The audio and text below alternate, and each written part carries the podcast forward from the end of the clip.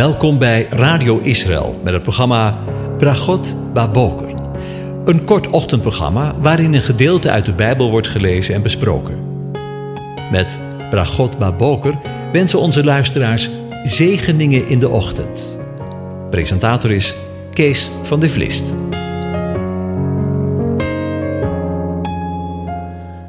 Goedemorgen, Bokatov, beste luisteraars. Vanmorgen denken we voor de zevende keer na over Psalm 126. En ik lees de eerste drie versen aan u voor.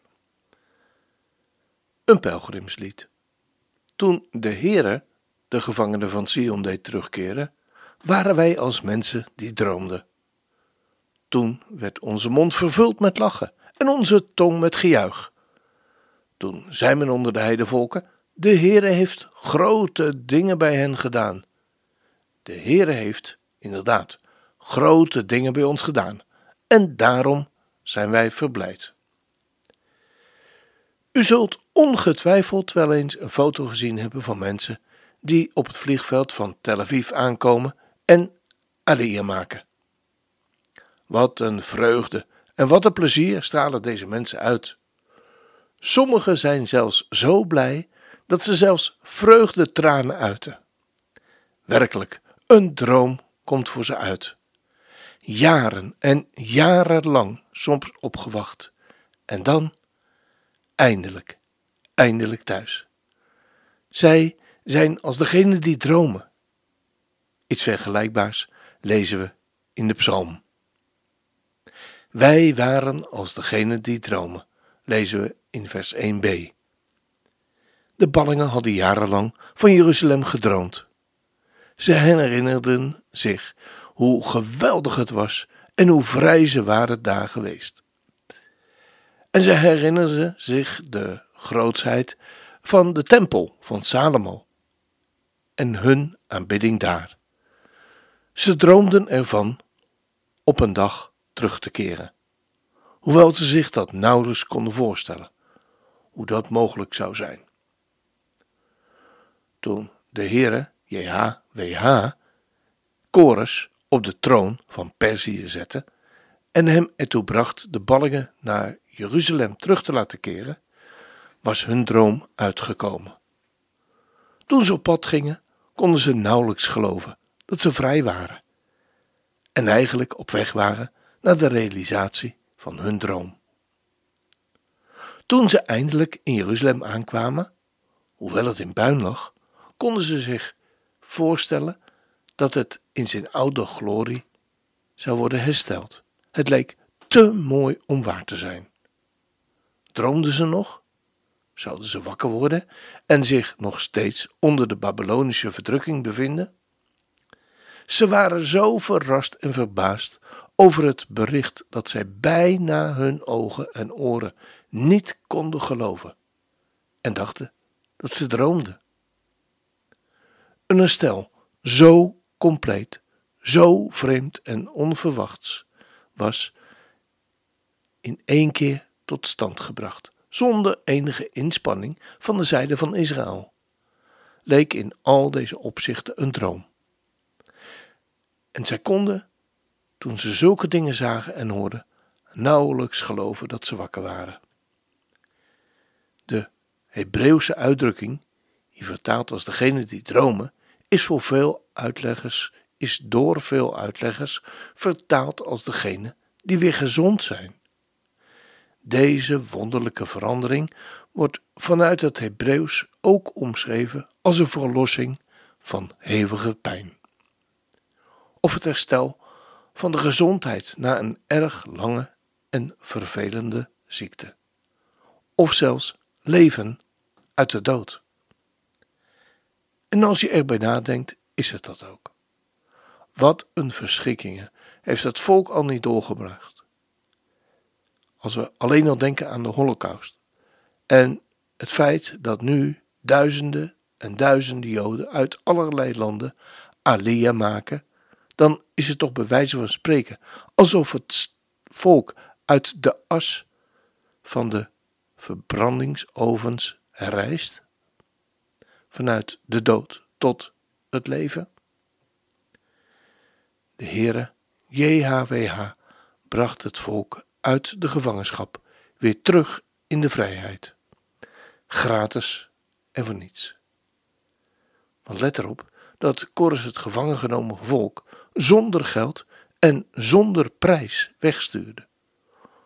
Om naar hun eigen land en stad en tempel terug te keren.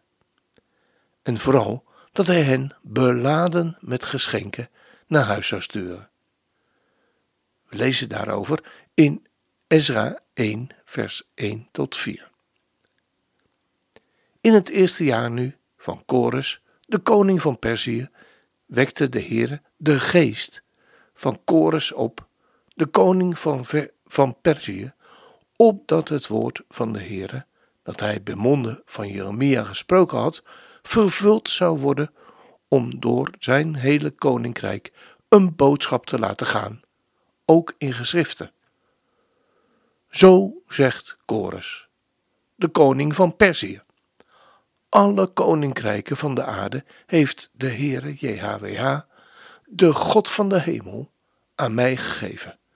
En hij is het die mij heeft opgedragen om een huis voor hem te bouwen in Jeruzalem, dat in Juda ligt.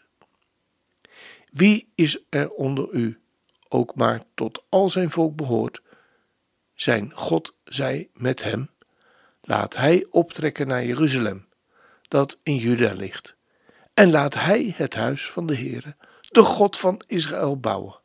Hij is de God die in Jeruzalem woont. En ieder die achtergebleven is uit alle plaatsen waar hij als vreemdeling verblijdt, laat zijn plaatsgenoten hem helpen met zilver, met goud, met allerlei bezittingen en met vee, naast de vrijwillige gaven voor het huis van God, die in Jeruzalem woont. Wie had dat ooit kunnen denken? Wie had dat ooit kunnen dromen? Kijk, en zo werkt God nou. Ook hierin zien we weer een patroon in het woord van God. Toen zij uit Egypte werden uitgeleid door de Heere God, waren zij beladen met zilver en goud. We hebben daar nog niet zo lang geleden bij stilgestaan. En nu, wanneer Kores hen de vrijheid teruggeeft, uit opnieuw de ballingschap, worden zij opnieuw met beladen met zilver en goud. En weet u, zo is het precies hetzelfde wanneer wij uit de geestelijke ballingschap op grond van Gods genade gratis en voor niets overgezet worden vanuit de geestelijke dood, vanuit de ballingschap en tot het leven met een hoofdletter gebracht worden. Leven uit de dood.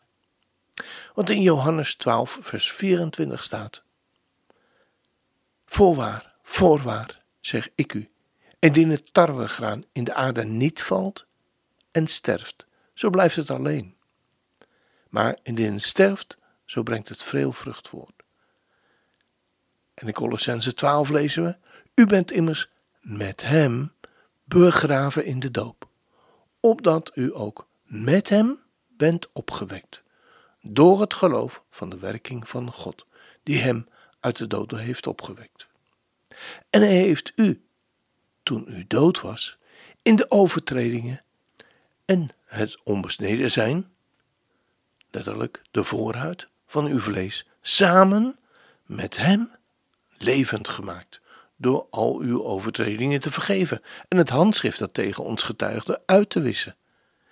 Dit handschrift was met zijn bepalingen tegen ons gericht en hij heeft dat uit het midden weggenomen door het aan het kruis te nagelen. Hij heeft de overheden en de machten ontwapend, die openlijk te schande gemaakt en daardoor over hen getriomfeerd. Tot zover. Aliyah maken, zo bezien, houdt dus ook verband met de overgang van dood tot het leven. Als dat geen zegen is. Vanwege de tijd moeten we het hierbij laten. De volgende keer hopen we hier verder met u bij stil te staan. Música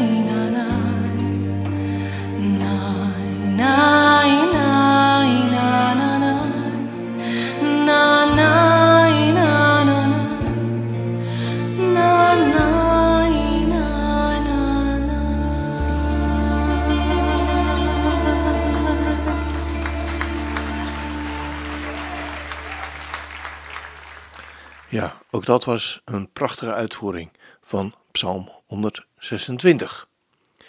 Dan ga ik uh, afscheid van u nemen. Wens ik u een gezegende dag. De Heer zegent en hij behoedt u. De Heer doet zijn aangezicht over je lichten en is je genadig.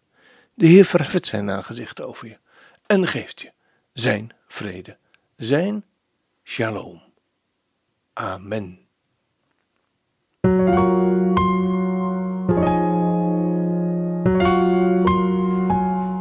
Hebt geluisterd naar het programma Bragot Baboker. Een kort ochtendprogramma waarin een gedeelte uit de Bijbel wordt gelezen en besproken. Wilt u het programma nog eens naluisteren, dan kan dat. Ga naar radioisrael.nl en klik onder het kopje radio op Uitzending gemist.